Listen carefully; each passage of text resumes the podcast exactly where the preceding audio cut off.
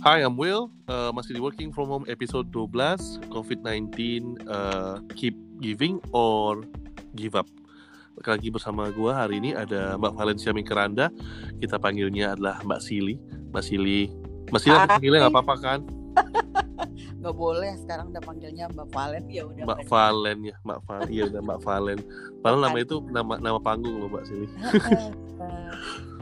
gimana gimana Oke, okay, mungkin cerita sedikit uh, Mbak Valen ini dulu bareng sama gue uh, kita involve ke berbagai macam kegiatan apa namanya uh, fundraising ya Mbak. Uh, waktu itu kita hmm. namanya Triple Angels. Ya, Kebetulan gue juga partisipin pertama kali involve sama Sili, Mbak Sili yang initiate. Kita bantu anak-anak kecil di RSCM waktu itu. Hmm. Nah, along the way Mbak Sili sekarang udah uh, adalah orang uh, salah bukan salah satu dia adalah founder Rumah Harapan yang ada di berbagai tempat di Indonesia. Rumah Harapan sendiri adalah tempat singgahnya anak-anak yang lagi sakit uh, sakit apa ya? Sakit heavy illness atau apa sih? Ya, uh, sakit uh, kronis. Jadi kronis, ya. penyakit-penyakit berat kayak gin, uh, uh, kanker, tumor, ginjal dan sebagainya gitu.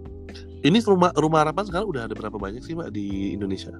Uh, tadinya udah enam, mm -mm. tapi kemudian yang di Aceh karena terlalu jauh dan mereka sudah bisa mandiri, mm -mm. jadi kami mandirikan sekarang tinggal lima yang dikelola langsung di bawah Rumah Harapan Indonesia itu ada uh, di Jakarta, Bandung, Semarang, Bali dan Makassar.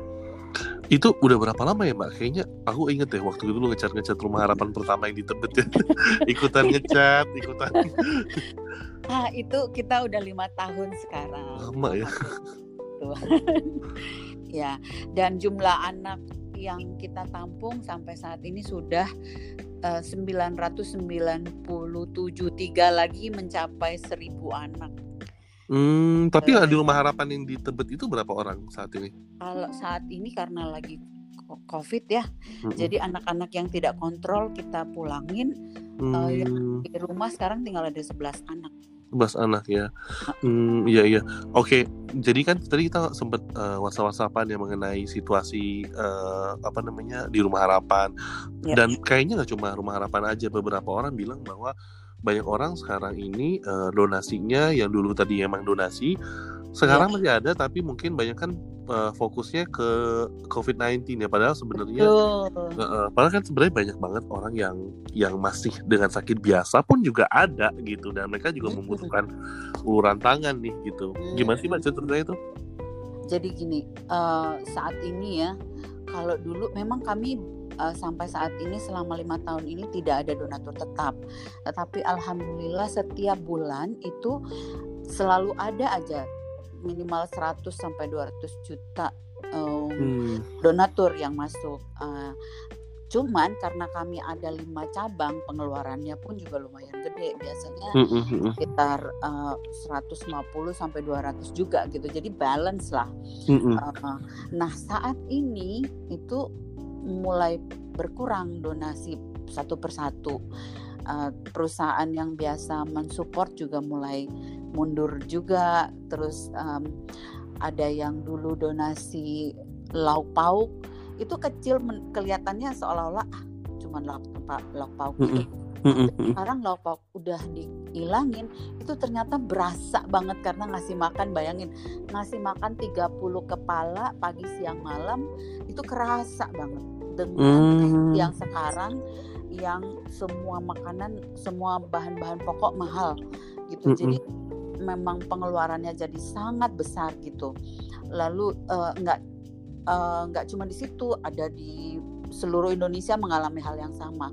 Sementara anak-anak kami ini masih harus ke rumah sakit karena mereka kemo kan terutama anak mm -hmm. yang kanker.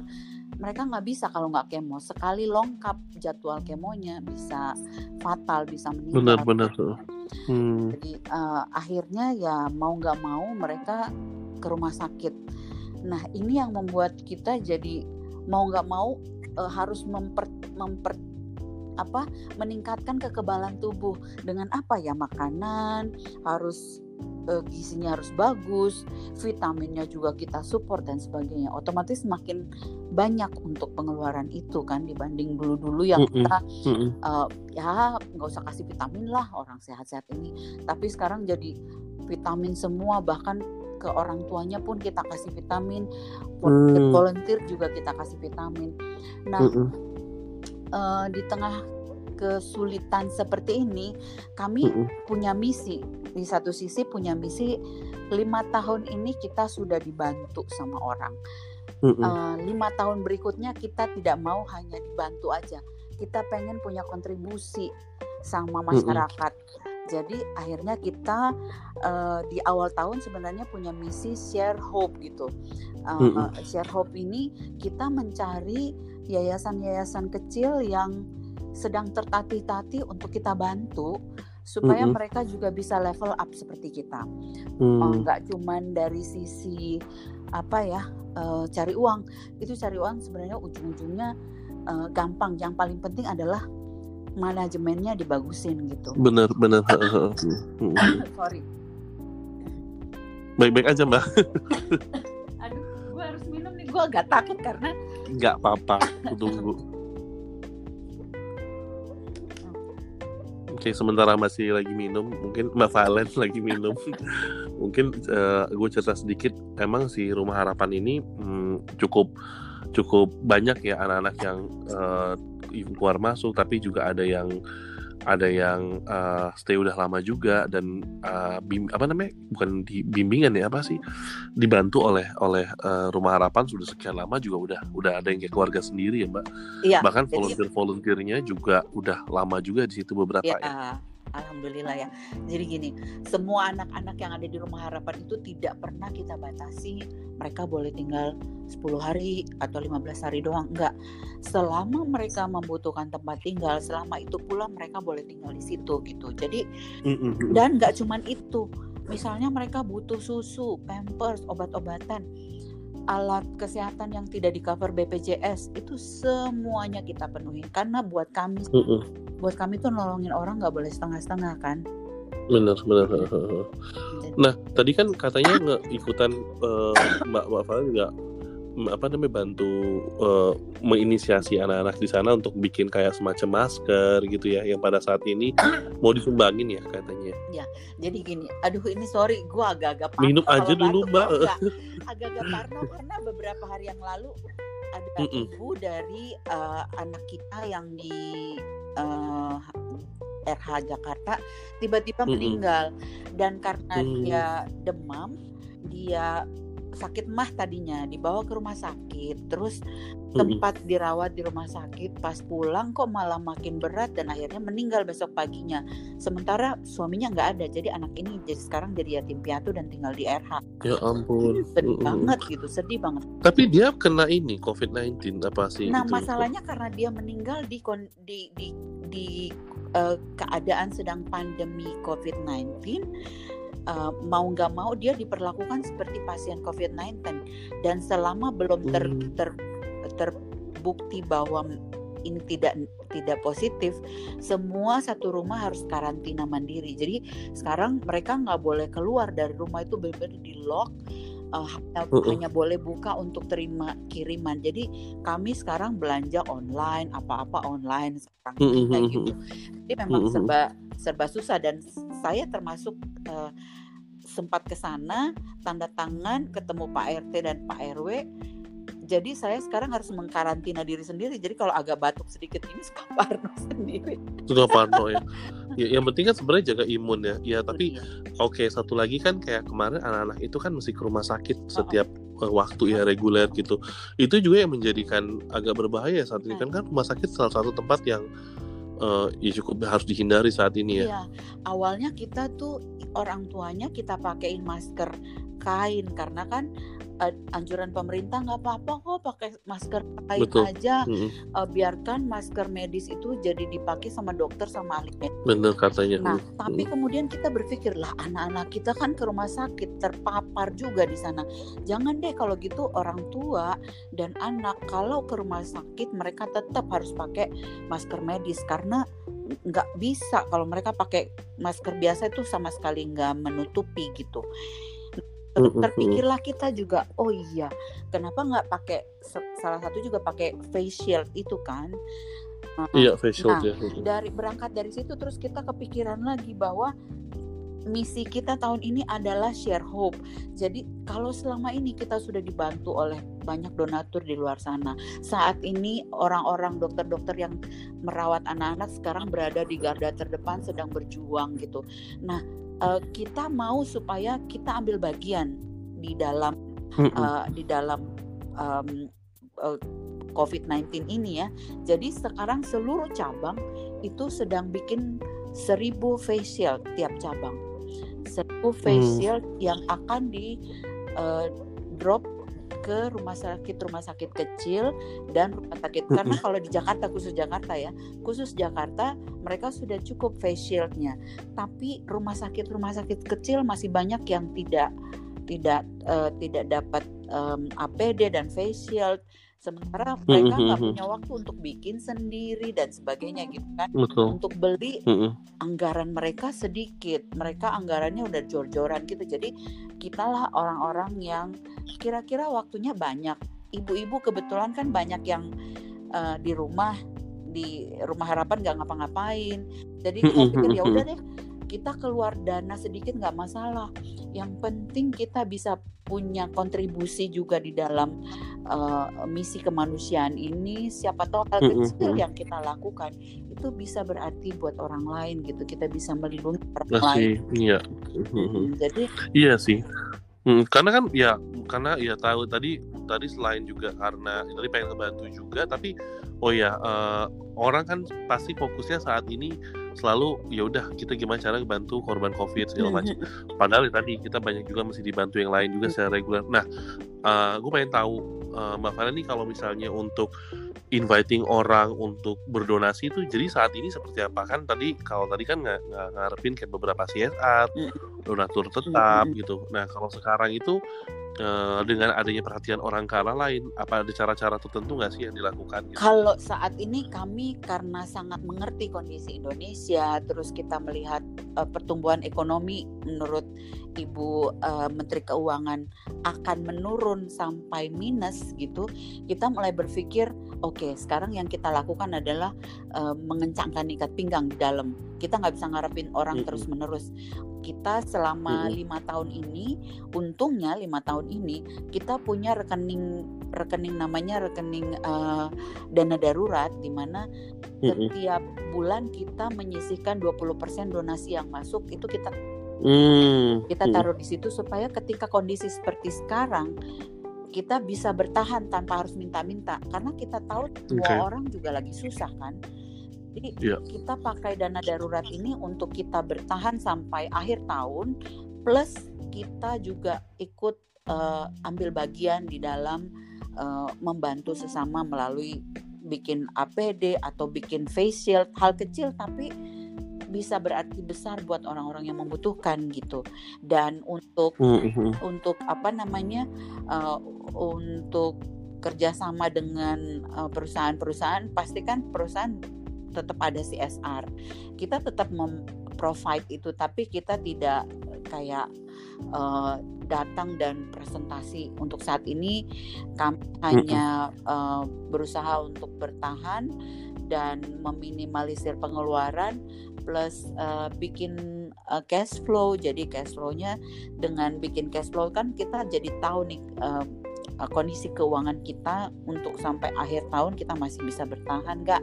Sama kita mulai memikirkan untuk bikin uh, usaha. Jadi misalnya kayak oh iya ternyata uh, masker sekarang bisa jualan gitu jualan masker kan bisa jahit jahit terus kita jual gitu. Kayak gitu-gitu. Jadi ibu-ibu mulai dikaryakan Uh, mm-hmm. Saat ini menurut kita tiga bulan ke depan ini kita tidak akan meminta donasi dulu. Saat ini adalah saatnya kita mengambil bagian untuk sama-sama bantu sesama.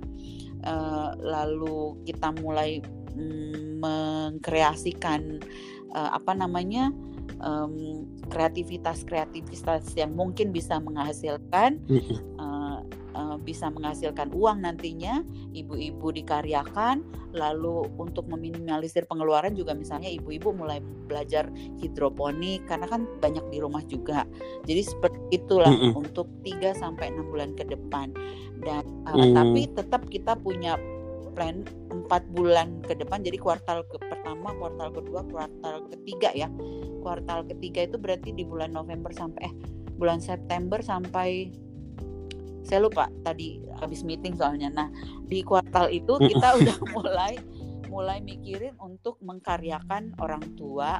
Jadi selain mereka punya penghasilan sendiri, kita juga punya tambahan minimal buat biaya biaya hidup sehari-hari gitu. Mm-mm. Berarti ya mereka tetap produktif lah ya, gitu ya. ya intinya kan selama ini kan mereka walaupun mereka nunggu anaknya tapi kan mereka sebenarnya banyak waktu juga untuk melakukan sesuatu uh, lah gitu uh. di situ. Nah, oh iya sih benar-benar. Tapi juga nggak nggak menutup kemungkinan kalau memang ada yang ingin donasi, ya monggo silakan Wah, ya. Itu kita kita sangat berharap banget, apalagi dengan to be honest ya, to be honest kalau dulu-dulu itu kan bisa sampai 100 sampai 200 juta setiap bulan uh, bisa mengcover mm -hmm. seluruh pengeluaran uh, apa namanya uh, lima cabang ini. Tapi dengan sekarang yeah. ini mungkin sekitar 30% doang dari total donasi yang masuk dulu. Jadi kebayang nggak sih kita susahnya seperti apa? Cuman kami benar-benar sangat mengerti. Tapi kalau misalnya ada yang mau bantu, especially buat kebutuhan sehari-hari sih. Jadi kalau misalnya uang itu susah, bantulah dalam bentuk barang. Misalnya beras mm. atau yeah. uh, kebutuhan-kebutuhan pokok ya susu, pampers, obat-obatan mm -hmm. gitu atau um, ya seperti itulah ya yang yang paling susah itu sama transportasi anak-anak dari rumah sakit ke rumah singgah. Kalau misalnya ada yang bisa bayarin gopengnya anak-anak aja itu udah anak-anak udah bisa bertahan lah gitu. Atau misalnya ada perusahaan yang uh, oh ya deh saya ambil bagian kan uh, di negara ini masalah masalah nggak cuma corona doang anak-anak kanker ya dalam setiap satu jam itu ada empat anak yang meninggal dalam setiap hmm. satu jam jadi kanker ini se sebenarnya juga uh, mortality rate-nya paling tinggi termasuk basic kanker iya, dan iya. sebagainya iya tapi orang nggak perlu nggak nggak mikirin karena memang lagi lagi fokus di covid ini kan dan itu saya mengerti mm -mm. cuman memang kalau misalnya ada yang uh, masih peduli gitu bayarin listrik misalnya itu udah sangat mm -mm. Hmm, itu itu bagus ya. Jadi sebenarnya bantuan itu kadang nggak mesti dalam bentuk iya. uang. Tapi kalau mau bawa uang boleh oh, juga. Boleh nggak share nomor uh, uh, nomor rekeningnya mungkin bisa di share di sini. Siapa tahu ada teman yang lagi dengerin kemudian terpanggil untuk berdonasi. Halo nah, uh, mungkin mungkin mbak mau share nomor rekeningnya uh, yayasannya.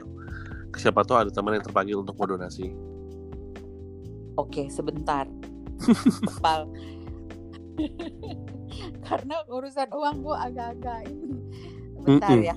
Um, sambil sambil uh, aku cari nomor rekeningnya uh, mungkin hmm, aku pengen kan saya punya dua dua dua komunitas yeah. nih Will satu rumah harapan Indonesia satu lagi Blood mm. for Life sekarang tidak ada orang yang mau mendonor karena takut kena COVID. Waduh. Hmm imagine di luar sana ada jutaan orang yang sedang membutuhkan darah. Di Indonesia setiap tahun kita butuh uh, eh, 5 juta kantong.